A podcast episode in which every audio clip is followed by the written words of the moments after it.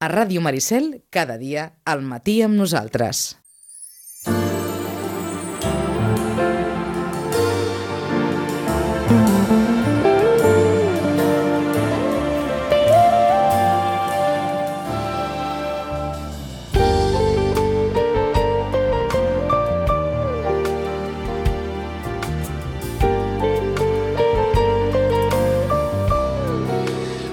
Un quart d'onze del matí, segona hora d'aquest eh, matí en nosaltres d'avui dimecres 8 de juny del 2011.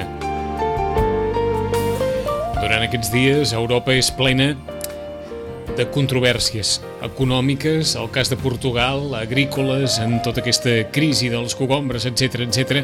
però també hi ha altres coses que en el seu dia deixarem, diguem-ne que més o menys sobre la taula i tenen la seva importància, com és el programa 2020. Com és habitual en el nostre temps d'hora d'Europa, saludem en Joaquim Millan. Joaquim, bon dia, bona hora. Molt bon dia. Què és el programa 2020? Bueno, el programa 2020 és una estratègia socioeconòmica que en diem Europa 2020 que intenta marcar els fulls de ruta del que hauria de fer Europa durant aquests propers 10 anys perquè l'any 2020 nosaltres puguem ser una de les àrees o zones en el territori competitives, haguem superat la crisi en la qual estem immersos, etc etc. I per tant ens marca un full de ruta per aquests propers 10 anys però jo penso que només m'agradaria afegir un full de ruta que hem de començar a complir ara. Eh? Si dintre de 5 anys estem parlant encara del full de ruta del 2020, eh, que això a vegades passa a Europa, mm -hmm. eh, està malament. Vol dir que no estem fent els deures, parlem del que hem de fer, però no ho estem fent. D'acord, què implica el 2020? O, quina, bueno, o, o què marca...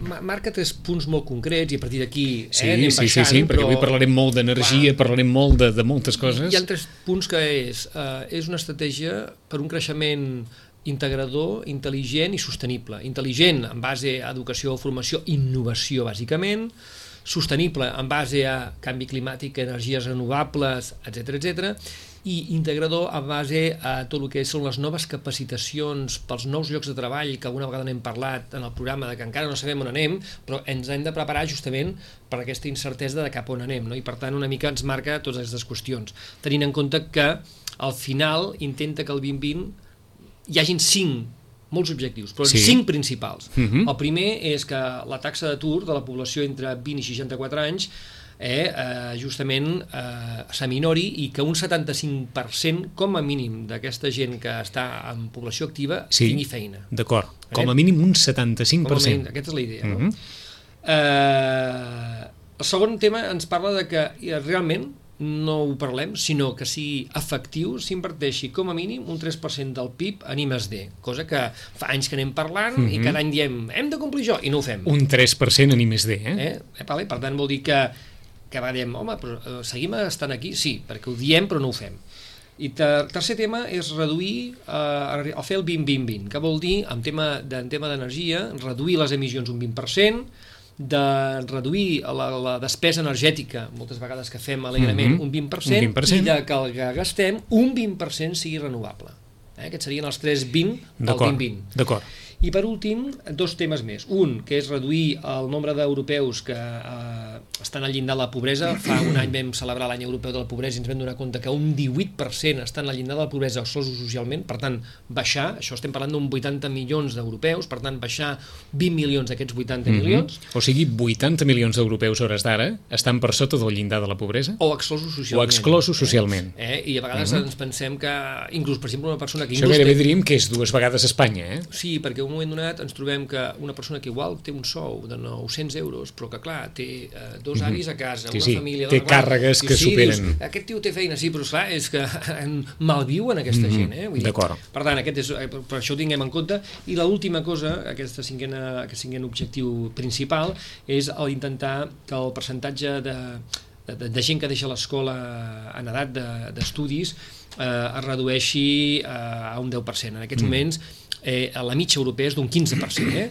Eh, tenint en compte que aquí el tema de l'escola pública, en fi, a nivell europeu vol dir que la gent no és un problema de costos, la gent abandona, abandona els estudis, la mitja és d'un 15%, hi ha països que més d'un 20%.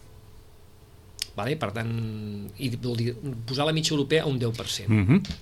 Aquests són alguns dels punts fonamentals Aquests del són els programa cinc 2020. principals d'uns quants més que hi ha. Mhm. Eh? Però aquí ens dedicarem sobretot a parlar de la qüestió de l'energia, que I és la innovació. també... I la innovació. Són dos dels temes importants Dos dels, de, dels temes agenda. importants i més ara l'energia ha estat també un altre dels temes sobretot de conversa i de controvèrsia. Alemanya, que ha decidit així d'una forma ja molt, eh, molt explícita suprimir les seves centrals nuclears, Correcte. marcar ja un punt i final a les seves centrals nuclears, però també, òbviament, la qüestió de la innovació i d'aquest I més D, d'aquest 3% en I més D, és bastant fonamental de cara a aquests propers anys. I per ser competitius a Europa, la creativitat d'aquesta innovació, doncs, bueno, com, evidentment, com es plasma el dia a Mhm. dia, les empreses, en fi, tot això. Doncs comencem per aquí. Saludem en uns moments el senyor Ricard Jiménez. Ell és director científic d'ASCAM. ASCAM és un centre tecnològic de disseny i producció que és líder des de fa 25 anys en el desenvolupament d'aplicacions d'alt valor afegit i orientades al mercat. Ens dirigim, per tant, al, al, bé, a l'àmbit del Vallès, que és on gairebé eh, a Catalunya situem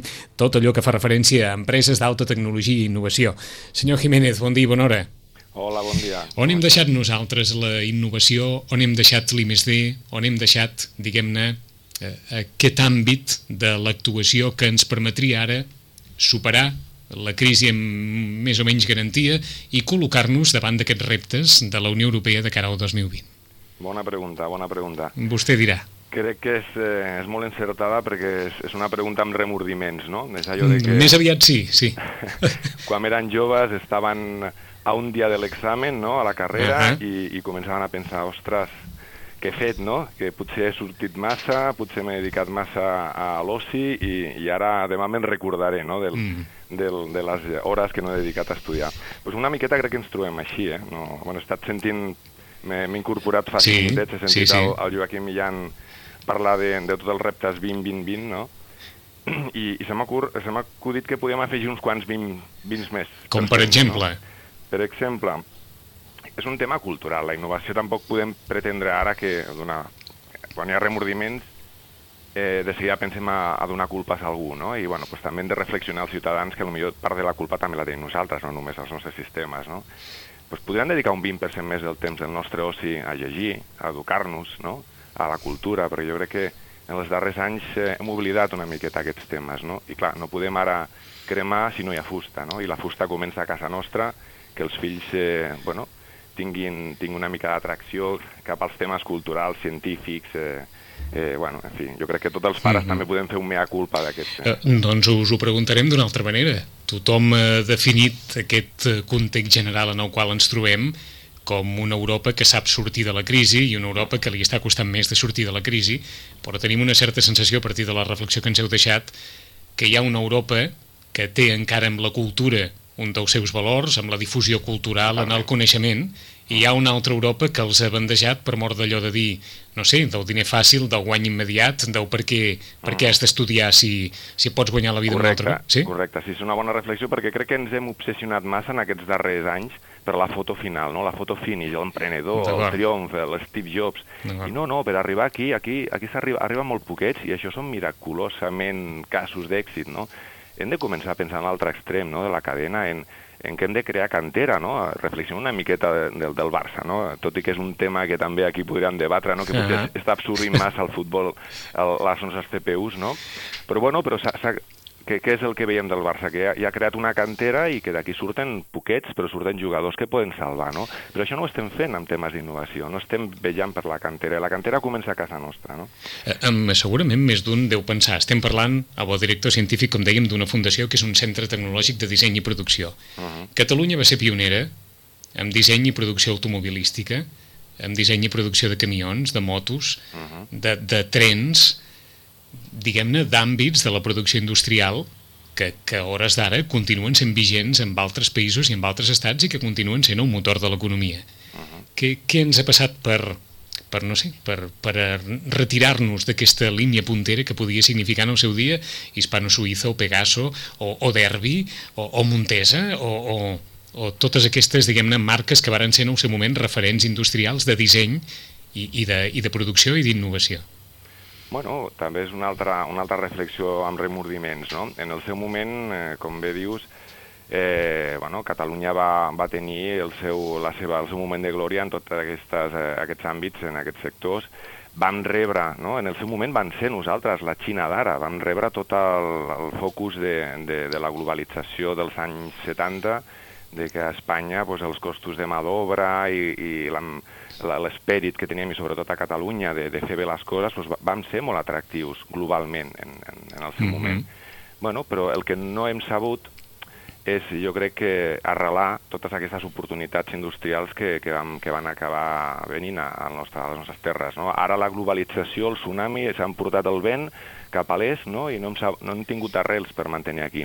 És molt senzill, vull dir, jo crec que eh, senzill el, el, el problema, no? Des del sí. meu punt de vista, mm, les arrels eh, s'han de fer més pensant en la innovació, la I+D, crear coneixement pel futur, que no passa millor les polítiques que hem tingut aquí de que vingui tothom, que li dono oportunitats de que posi la seva fàbrica, eh, li deixo molt bé de preu el terreny, o fins i tot li regalo, no? perquè el que volia al final és pues, que mà d'obra, no? crear mà d'obra. bueno, pues sí, això, això és, però això és temporal, és efímer, no? Quan, sí. quan la mà d'obra sigui el reclam en un altre país, se n'anirà cap a un altre país.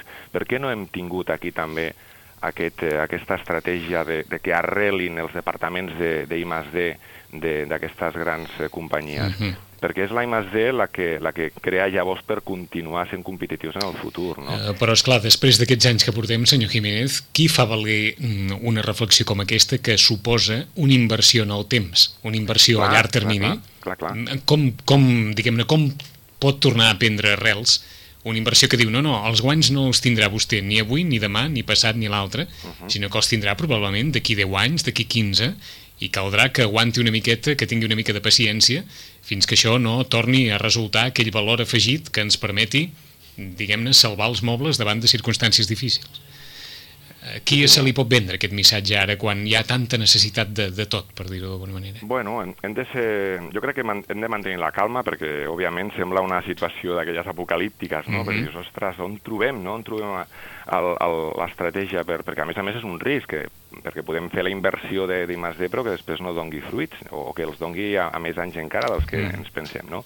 Crec que hem de, hem de tenir la ment freda, hem d'acceptar la derrota, no ens hem de preocupar a buscar culpables, hem de començar a treballar i el primer que suggerim, i des dels cames el que estem intentant fer és, bueno, quins sectors són aquells ara que, eh, en els que ja hem fet aquests deures sense, a lo millor, adonar-nos, no?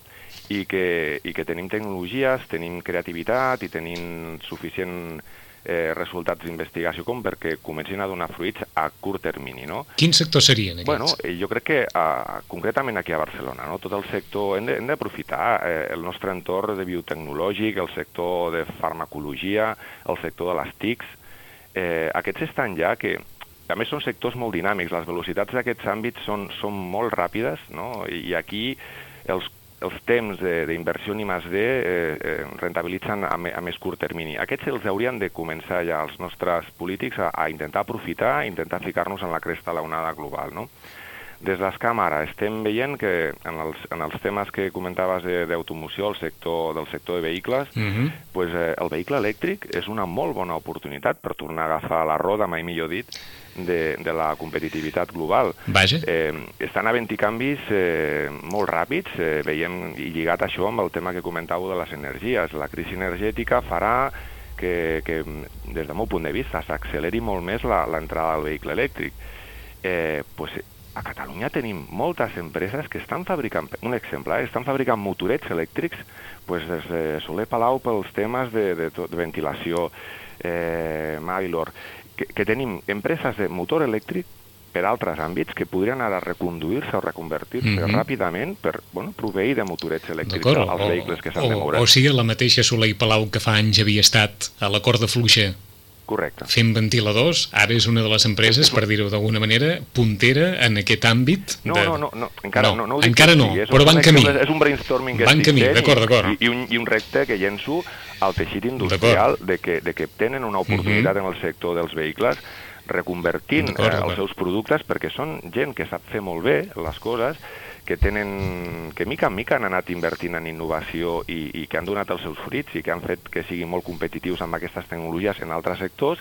I ara és qüestió també de, amb aquesta ment freda que proposo, reconvertir tecnologies d'uns sectors cap a altres, perquè no oblidem que la transferència tecnològica, que normalment la, no, estem, estem, la confonem amb uh mhm. -huh. traslladar resultats de la universitat cap a l'empresa, no, també moltes vegades molt, molts resultats molt macos d'innovació són traslladar resultats que estan triomfant en un sector a un altre sector no? industrial.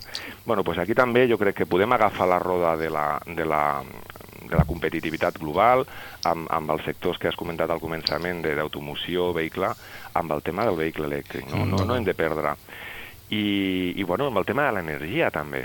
La setmana passada es va celebrar a Barcelona un congrés eh, del Global Energy Challenge i van venir gent de l'MIT, van, van venir científics de renom de tot el món.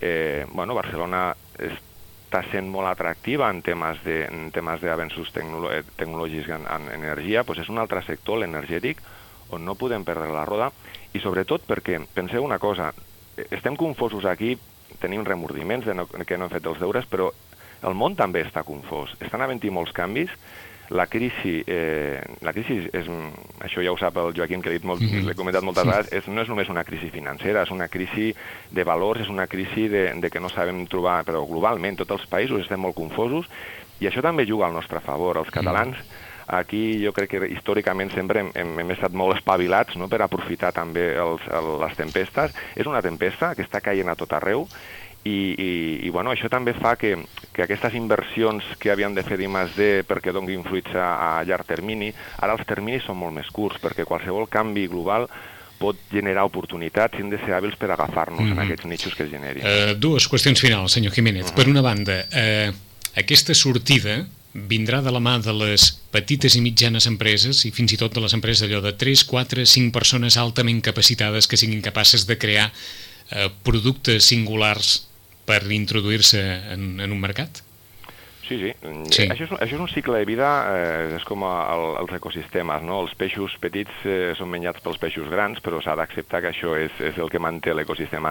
Sempre ha passat així. Les empreses, les, les micropimes, com, com bé dius, les de dos, tres persones mm -hmm. emprenedores que, que han trobat la idea genial per poder eh, entrar en un mercat in, in, no? inhòspit, al final acaben sent absorbides per les empreses grans. No? Eh, el somni de qualsevol emprenedor és no, no només crear la seva empresa, és que si no es pot convertir en una empresa gran, pues, bueno, pues que vingui Microsoft i em compri, que vingui Siemens i em compri, i això passarà. O sigui, efectivament, la innovació, les petites són més ràpides, troben més ràpidament els nichos, no han de demanar permisos.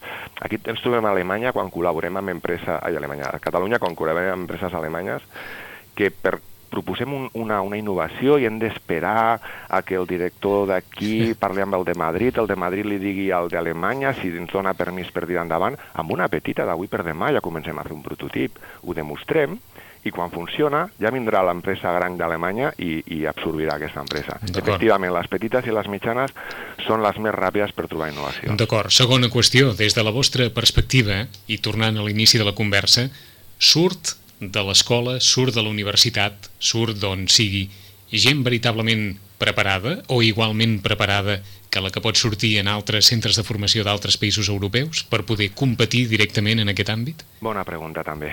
Sí, sí, esteu tocant aquí els punts febles que jo crec que també no hem de, no hem de deixar de banda hem de mantenir la competitivitat de les, dels nostres centres de formació, però a tots els nivells. Eh, també acostumo a dir moltes vegades que ens obsessionem per l'excel·lència de les nostres universitats. Esperem, esperem que hem de, hem de tirar una mica més enrere, o no dic enrere, o, o al costat, perquè tenim una formació professional deixada de la mà de Déu des de fa molts anys. No? Eh, també sempre explico l'anècdota de que de la meva generació, jo sóc del 68, sí. eh, les mares espanyoles, quan li deien al, al col·legi, a l'EGB, que el seu fill havia d'anar a FP, s'ho prenien com si fos, mare meva, sí, sí. depressió, o ocult... No, no, eh, sí, sí. Hem, hem de tornar a recuperar el goig per la formació professional, perquè les mares sentin que, que el seu fill, si està fent formació professional, pues que tindrà una carrera de molt futur, brillant, i que no té res a envellar un advocat o un enginyer, no?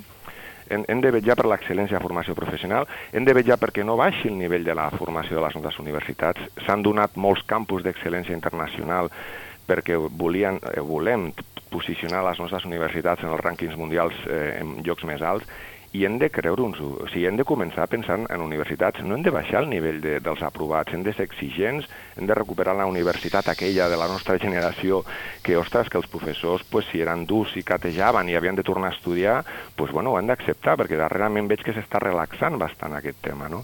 I sobretot, i deixa'm afegir un altre... Sí, sí, 20, 20, no? un parell de vins més a, a l'Europa del 2020, hem dit, he dit això, no? de que dediquem un 20% més els pares a, a, a crear cultura eh, científica i, i, i als nostres fills.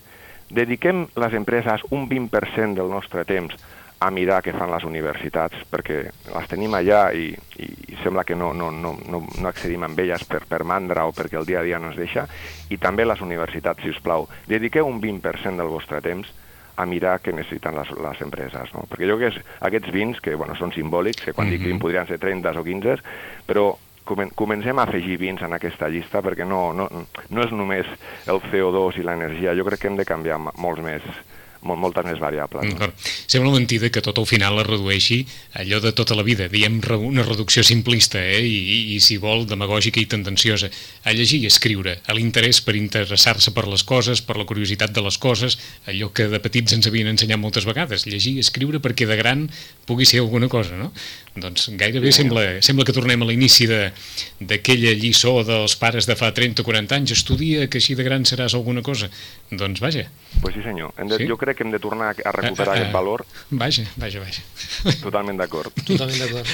hem passat de l'estudia que aprendràs Aquí. a dir a, a prova que tires un títol. Aquí està. Però amb això no... Sí, sí. Eh? O, no cal que, o no cal que estudis tants perquè ja ho veus que aquell té una carrera i mira, la feina és seva. I, una, I un altre perill, que també esteu d'acord, que, que el, tot el tema d'internet, i ara no vull fer aquí, mm -hmm.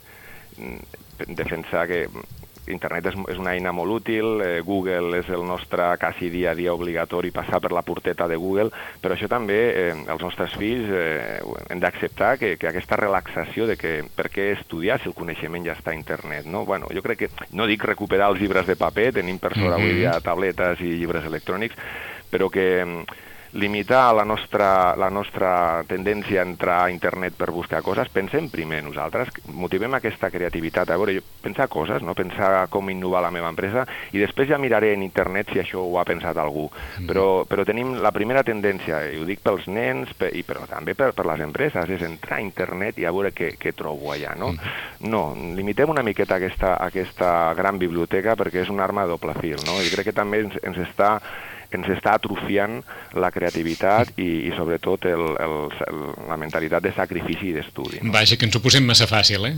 Sí, massa fàcil, massa fàcil. I això és un cervell, el cervell és un múscul que, múscul que s'ha d'activar, s'ha d'exercitar cada dia i a lo millor aquesta facilitat per les coses ens està -huh. atrofiant una miqueta. Però bueno, eh, no, no, no vull ser apocalíptic. No, no, no, no, però ja ha deixat unes quantes coses sobre la taula Ricard Jiménez com per poder reflexionar. Director científic de l'ESCAM, gràcies Ricard per estar aquí matí nosaltres, us saluda Joaquim Millán. Gràcies Ricard, fins la propera. Gràcies, Joaquim, una gràcies a vosaltres. Gràcies, adeu-siau, bon dia. Adeu-siau. A Ràdio Maricel, cada dia, al matí, amb nosaltres. Va tu a l'olla, que tot ho reduïm a a llegir, escriure, esforçar-se, etc etc. Eh? Jo recordo quan sortia la calculadora que també en la nostra època deies no, no, i ara tinc que fer sumes i restes, però si a la màquina aquesta... I que... els professors deien la calculadora a casa. Sí, a l'examen a l'aula ni, una, ni una calculadora. Pues ja batallàvem en aquella època, imagina't ara. Això, i els pares dels qui els prohibien la calculadora en el seu dia, els hi deien res, càlcul mental ni llapis ni paper, ho calculareu tot amb el cap. O sigui que hem passat d'aquell càlcul mental que pares, mares i àvies quan estudiaven a comerç els hi feien fer. Bueno, ara, abans, jo me'n recordo quan era molt més jove, vull dir que de memòria em sabia la tira de telèfons, mm -hmm. perquè clar, no, no, i ara, clar, com que tens aquí la BlackBerry, el eh, mòbil, i el tens tot apuntat, no te'n recordes ni a vegades ni del teu. A vegades Una mica... passat, demanes el mòbil a algú, diu, espera't un moment que el miro. Uh, parlem avui de la gent de 2020, eh? El que passa és que uh, ja ho veuen on anem a parar, que anem a parar aquesta qüestió de la cultura de l'esforç i de la necessitat, de la necessitat de no perdre mai l'incentiu per aprendre coses i, per tant, per desenvolupar-se... Anem, anem als valors uh, de fa 20 anys. De fa 20 anys o de, o de fa 30, perquè segurament el senyor Alfons Rubio, que és el gerent del Col·legi Oficial d'Enginyers Informàtics de Catalunya i president del Sitges Innovation Club, en el seu dia els seus pares també li deurien dir Alfons, estudia perquè siguis alguna cosa quan siguis gran. Alfons Rubia, bon dia. Bon dia, què tal? Els vostres pares us ho deien això? Estudia, estudia, esforça't. Sí, els nostres pares ens deien això. Ara, el que ens diuen ara a nosaltres és internacionalització, competitivitat, productivitat, educació, innovació, aquestes paraules, no? Mm -hmm. I, i, I tot això resumeix el que has dit, no? Amb aquesta cultura dels fons. Bueno, en el fons, aquestes paraules que ara estan tan de moda i que ens farà sortir de la crisi, eh, en el fons és escolta, anem a fer-ho bé per poder vendre fora. D'acord, no, però, ja està, no? però, però per fer-ho bé i poder vendre fora hem de suposar sí. que ens cal una, una preparació, una disposició o un punt de partida sí. del qual no sabem si estem molt lluny o poc lluny. Mira, eh, el sistema educatiu que tenim a Catalunya és un, és un sistema educatiu que té les seves mancances, però és un bon sistema educatiu, sobretot el, jo puc parlar amb coneixement de causa, per exemple, del món de l'enginyeria. Eh, a les universitats catalanes eh, les titulacions d'enginyeria estan molt reconegudes fora, fora de Catalunya, fora d'Espanya i fora d'Espanya. O sigui que estem inter, internacionalment estem reconeguts. Tenim bons professionals. O sigui que en aquest aspecte Catalunya està molt ben posicionada. Eh, no, no, no hem de patir. No hem de patir. No, sí, amb l'aspecte de l'educació... Sí, sí, sí, sí. No, amb l'aspecte de l'educació... No, eh, eh, excusa, un bon sistema educatiu... D'acord. Eh, potser el tema de la, que, que sempre es diu, no? el tema Mhm. de l'FP, de la formació professional, però s'ha avançat molt en els últims anys. O sigui, tot aquest error de, de, de, de, de que estem molt malament i tal, mm, no, no és, jo crec que no és veritat. O sigui, hi ha un, hi ha un cert alarmisme, tenim un bon sistema educatiu, millorar, clar que tot és millorable, però, insisteixo, els nostres enginyers, que és el que conec més, fora internacionalment estan molt reconeguts tècnicament. D'acord, si no- Perfectament, Mhm. amb França, amb Alemanya, amb Anglaterra, amb els Estats Units. D'acord, si no, si no hem de patir per això, per què hem de patir? Si és que hem de patir per alguna cosa. Sí, mira, eh, no, patir no hem de patir mai, no? hem de treballar. Sí, sí, escolta, ja, amb un somrís, amb un somrís a la cara, no? Mira, eh, sí que és veritat que tot el sistema nostre productiu, doncs, Mhm. bueno, ens hem focalitzat Em, em, permeteu, em permeteu una cosa, senyor Rubio? Estic Sí. patint per la connexió. Per tant, Sí. la- la- l'aturarem una mica i us tornem a trucar eh, Sí. per veure si podem d'alguna forma escoltar-vos una, una mica millor perquè us estem sentint eh, així una mica amb dificultats i estem patint i com que no hem vingut a aquest món a patir, almenys, doncs aleshores a veure si ho resolem en un moment, us tornem a trucar, Alfons. Perfecte. Gràcies, fins ara. Són les 10 i 42 minuts, estem intentant eh, que es pugui escoltar una miqueta millor el raonament d'Alfons Rubio, però ens deia que des del punt de vista de l'ensenyament estem ben posicionats, els estudiants catalans estan en una posició bona respecte... Jo, jo penso que eh, a vegades ens espantem massa perquè poder els resultats no són els que haurien de ser per les oportunitats i possibilitats que tenim. Abans el Ricard ho deia, tenim empreses que en moment donat ens estan donant uns resultats bastant bons o molt bons, competitives, etc etc etc. però això no es traslada amb el teixit, és a dir, tenim a vegades l'excel·lència, amb, amb que, per exemple, dels eh, darrers eh, programes que sobre innovació a Espanya han sigut subvencionats per la Unió Europea, més de la meitat estan a Catalunya. Llavors diem, fantàstic. Però clar, eh, quan vas a mirar a la base, dius, clar, no hi ha base suficient com per tenim l'excel·lència d'aquelles persones, aquelles emprenedors, aquelles empreses que han apostat per això i per tant Mhm. aquestes sobresurten de la mitja, inclús de la mitja europea en alguns casos, però no tenim la base. Jo crec Doncs que és a veure si ho, podem, no? si ho podem agafar per aquí, si hi ha bons professionals, però falta una infraestructura que ajudi a potenciar tota aquesta tema, capacitat. Tornem a saludar el Fons Rubió. Alfons, bon dia de nou. Bon dia. Ara, molt, ara ens sembla que molt millor, eh? Molt millor, molt millor. Ens sembla que molt millor. Uh, reflexionàvem amb en Joaquim Millan. Hi ha bons professionals, però fa falta una infraestructura que potenciï prou aquestes capacitats? Mira, a Catalunya tenim una, una infraestructura de el que es diu d'innovació i de tecnologia molt important.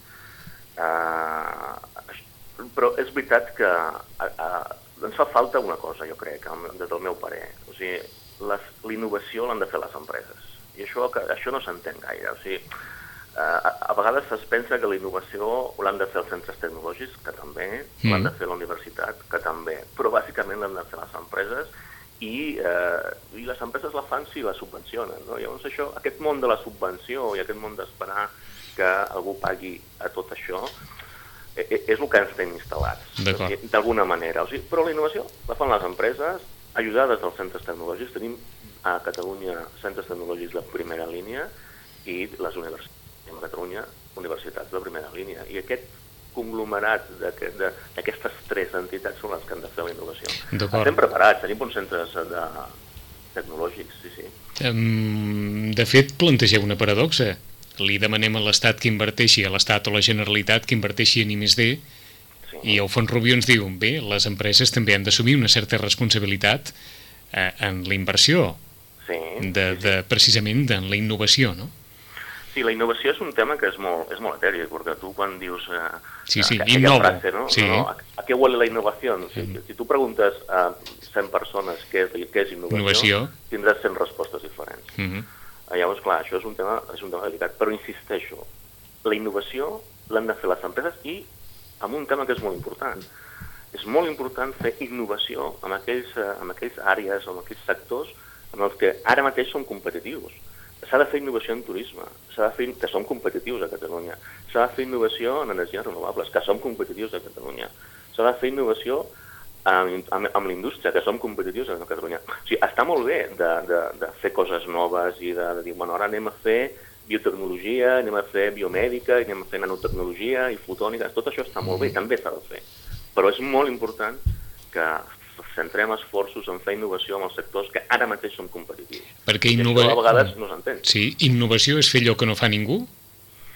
Ah, innovació són moltes coses. Tu pots fer innovació en tecnologia, que està molt bé, que és, una, és, que, que és el que s'entén normalment quan es diu innovació, però pots fer innovació en la gestió, que és molt important i no es fa o pots fer innovació social, o sigui que innovació pot ser de, molts, de moltes. Sí, però em refereixo, quan en referim, quan en referim al terme innovació, ens estem, eh, quan, quan diem que aquest senyor innova, sí. vol dir que fa servir o, o ha inventat quelcom que no ha inventat ningú fins ara i que li permet avançar respecte a la competència.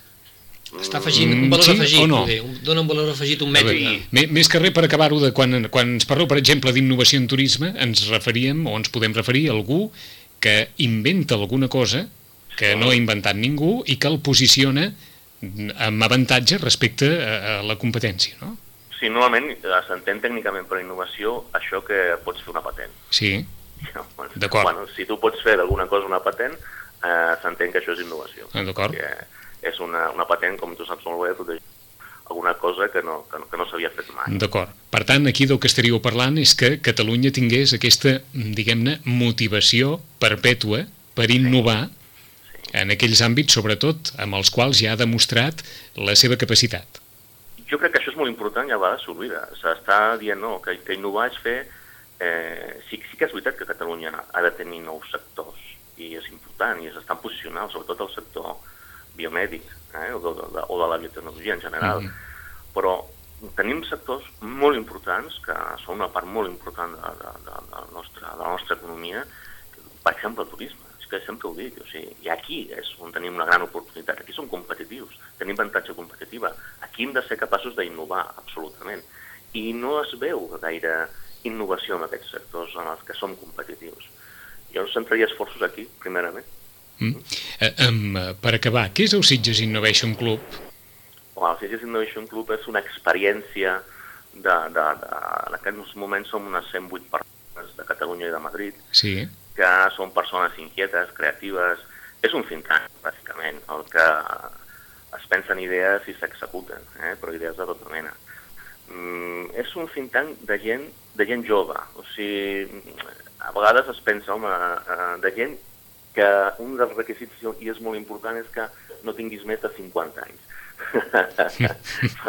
Llavors, eh, bueno, és, una, és un dels... De, la idea és que eh, aquestes, aquestes persones puguin eh, aportar a la societat, puguin pensar en noves formes de fer, en innovar, però en, en tecnologia, insisteixo, en gestió, que és molt important, i innovació social. Són els tres àmbits que tenim marcats per eh, poder aportar alguna cosa per aportar a la societat. D'acord. Aquesta Europa del 2020 s'haurà de sustentar bona part en aquests tres eixos que, que veu d'esmentar? Jo, jo diria que sí. Europa és molt complexa, no? és una uh -huh. construcció complexa, però uh, mira, uh, ahir em sembla que hi era la, la, la Merkel, estava amb l'Obama, i li deia, la, escolta, eh, hem de continuar amb aquest camí que tenim eh, per, per competir amb els Estats Units, que Europa pugui competir amb els Estats Units i pugui competir amb els països emergents, eh, hem de continuar amb aquest camí de l'excel·lència. Al final, si, si és el que deies al principi, quan et deia el teu pare, nen, has de fer les coses ben fetes. Però si és això, si és que no és més. Tot això de la competitivitat, la productivitat, tot això de, de, de, de, de la innovació, tot això és fer les coses ben fetes. I aquí a Catalunya d'això en sabem molt, de fer les, la feina ben feta, o sigui, de fer les coses ben fetes. Això en sabem molt. I això és el que, és el que hem de potenciar. Mm -hmm. I aquí tenim un avantatge competitiu important, de fer les coses ben fetes. Mm. Aquest és un bon missatge. 10 minuts i seran les 11, Alfons Rubio. Gràcies per estar aquí matí amb nosaltres. Us saluda Joaquim Millan. Gràcies, Alfons. Una abraçada. Gràcies. Fins la Fins la propera. propera. Adéu-siau. Bon dia. Adéu. A Ràdio Maricel, cada dia, al matí amb nosaltres. Agenda 2020. Ens hi podem posar de peus, però acabarem amb el mateix. La necessitat de fer les coses ben fetes. Au, tornem-hi. Però jo crec que... Portem, massa- portem un matí de, de, eh, Bueno, però és- de és- reflexions. Eh, És bo perquè al final, eh, com deia molt bé el, mm. Alfons, eh, fer les coses ben fetes, que poder les hem deixat de fer durant un temps, i jo crec que hem de recuperar allò, no? el que deia, el seny, estudiar, quan estudies, estudia de veritat, quan facis la feina, fes-la ben feta, aquell, aquell orgull per la feina ben feta que s'ha perdut, Mhm. no? jo crec que és el que hem de recuperar. Arran del que va passar a Fukushima, mm, hi ha hagut una sacsejada general sobre la necessitat o no. Eh, agafem aquest exemple perquè segurament és l'exemple més, més explícit, més obert, més contundent que un país com Alemanya, que és en moltes coses eh, referent, malgrat aquest, diguem aquest surmenaix dels cogombres, eh, un país com Alemanya decideix tancar les seves centrals eh, nuclears i, per tant, diguem-ne, eh, com dirien els castellans, dar carpetazo a l'energia nuclear i basar el seu futur en energies renovables, tenint en compte que és un país que pot pensar obertament en que si amb la nuclear no va haurem de fer servir el carbó i si fem servir el carbó doncs aleshores deixarem l'atmosfera més carregada del que no ens agrada carregar i per tant l'aposta és molt contundent en aquest sentit. Saludem Pau Solanilla que és director de Relacions Institucionals d'Electria. Ha treballat a l'IEMET i al Ministeri d'Afers Exteriors i Cooperació. Senyor Solanilla, bon dia, Aurora. Hola, bon dia. El que es proposa a Alemanya és un, és un ideal, és una, és una quimera per la resta de la humanitat? És quelcom que no es pot proposar a tothom? Bueno, efectivament, eh, diguem, la decisió alemanya és una decisió valenta eh, i és una aposta molt important que canviarà d'alguna forma la fisonomia de l'energia a Europa. Ara bé, la pregunta és si s'ha fet, diguem-ne, per vocació o per obligació. Eh, aquells que treballem a les energies renovables, evidentment, pensem que és una bona notícia. Ara, el repte tecnològic i financer que suposa també és important i, i s'ha de dir. És a dir, no podem desconnectar les centrals nuclears a dia d'avui eh, sense oferir un horitzó d'estabilitat en el subministre eh, que sigui competitiu, que sigui segur, eh, etc etc. Uh -huh. Per tant, diguem-ne, s'hauran de fer una sèrie d'inversions i haurem de fer encara un salt tecnològic important perquè això sigui realitat a Europa a mig plaç. És a dir, els alemanys han parlat de 2022, segurament per caminar una sostenibilitat eh, total amb renovables hauríem de dir que a nivell europeu l'horitzó seria cap al 2050, més o menys. D'acord, doncs gairebé començaríem per aquí i us preguntaríem des del nostre desconeixement. El món es pot mantenir fonamentalment amb energies renovables? A dia d'avui, a 2011, és molt complicat, o en alguns països és, és, és, és impossible. Bàsicament per dues raons. En primer lloc, perquè les energies renovables eh, han de ser complementades amb energies convencionals perquè són intermitents. Sabem amb l'energia solar la, diguem les hores de radiació, Sí. però l'energia eòlica, que potser és la més madura i la més competitiva, depèn de la, de la força del vent, eh, que és intermitent. Per tant, a dia d'avui, les, les energies renovables les hem de complementar amb, eh, amb energies convencionals. El segon element és, diguem-ne, la capacitat de magatzemar energia. Avui dia, les tecnologies de magatzement d'energia, les, les, les piles, les bateries, són molt cares. És a dir, hem de donar encara un salt tecnològic, hem d'invertir molt en I més I per poder aconseguir eh, uns sistemes de magatzement d'energia per quan no sopla el vent o quan, eh, no, quan, quan hi ha, no hi ha, una, hi ha una radiació baixa o és de nit, etc etc. Per tant, això necessitem encara, encara uns anys. Quants anys? Pues, bueno, jo crec que amb la decisió d'Alemanya accelerarem tot això. Tot això que es, que es diu la, la, la corba d'aprenentatge de la tecnologia en renovables s'escursarà perquè hi haurà molts recursos que anaven cap a altres energies, com, la, com les nuclears, Sí. que s'invertiran en, en renovables. Però això és, és un procés, és a dir, no podem dir a la gent que, que l'any vinent tindrem un horitzó de, de sostenibilitat amb renovables. D'acord, us plantegem una pregunta a l'altre costat, diguem-ne, d'aquesta pista de tennis. Ens imaginem que es continués avançant en I+D pel que fa referència a l'àmbit de les energies nuclears. Arribaria un moment en què potser els científics aconseguirien que l'energia nuclear no tingués aquests riscos que té ara, d'aquí uns quants anys?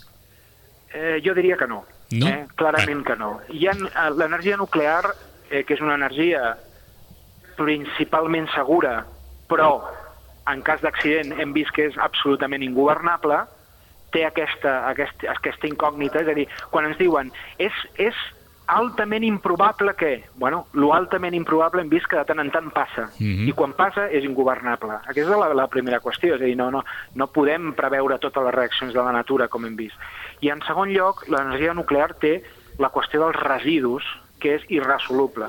És a dir, apostar per les renovables significa... A dir, si nosaltres volem energia eh, nuclear que ens dona un preu raonable i estabilitat, hem de poder assumir que tenim uns residus que els hem d'emmagatzemar en algun lloc. I això la societat no ho accepta. És una contradicció que tenim. Volem l'energia barata, però no volem el, el, els residus nuclears. D'acord, doncs ara us en proposem una altra. No volem l'energia nuclear, però jo tampoc vull un molí de vent al costat de casa o a la muntanya que tinc al darrere perquè fa lleig. Bueno, efectivament, tot, tot té les seves avantatges i inconvenients. Una de les, és a dir, quan pensem en, en, en energia eòlica, fins ara hem vist a grans molins de vent, els grans parcs, que són uns, un, unes torres immenses Sí. de 125 metres, etc. Hi han dues alternatives que estem treballant, algunes empreses. Una és l'energia eòlica offshore, l'ener- l'energia l'energia eòlica eh, marina, Sí. és a dir, que a uns quants quilòmetres de la costa, allà on es, on es pugui, de fet ja hi ha uns eh, parcs que s'estan fent, doncs desenvolupar parcs eòlics marins que tenen una, un impacte en, en el diguem visual molt, molt, molt menor, si, Mhm. si és que el tenen. I en segon lloc, allò que diem la generació de, mig, de petita o mitjana potència, és a dir, genera, generació a nivell familiar, domèstic o en els polígons industrials, urbanitzacions, allò que es diu la eòlica de mitjana potència, que són màquines que es poden posar, doncs això, al Prica, a l'IKEA, polígons industrials, etc etc, que poden donar eh, una generació neta eh, a prop dels punts de consum. Això es diu la generació distribuïda. D'acord. Eh, és un- Ara bé, eh, qualsevol energia té avantatges i algun inconvenient.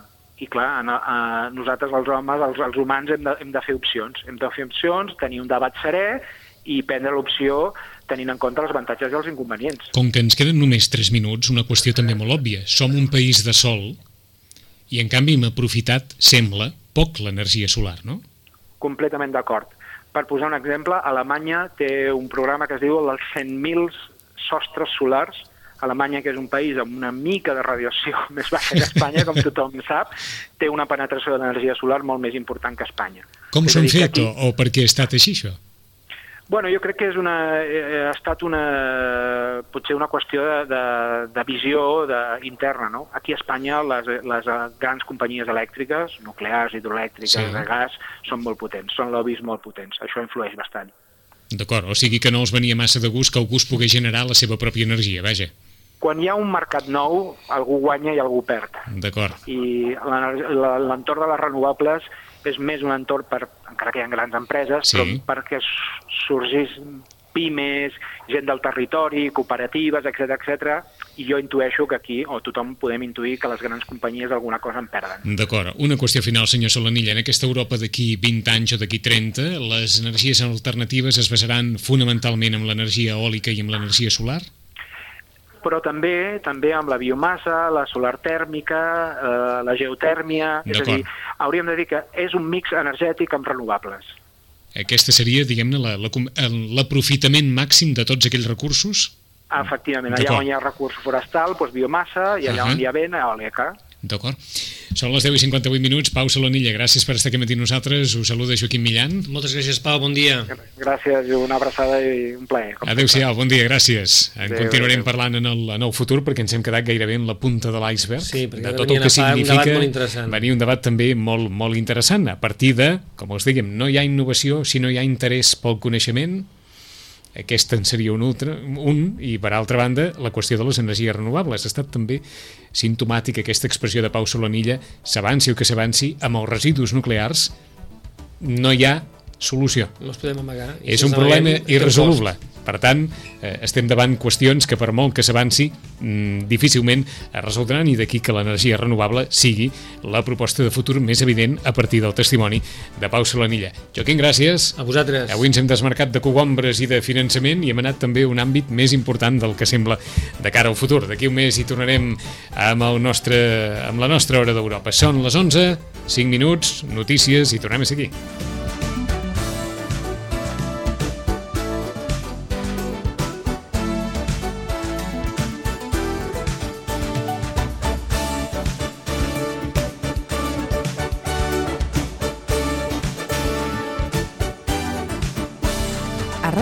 Maricel, cada dia al matí amb nosaltres.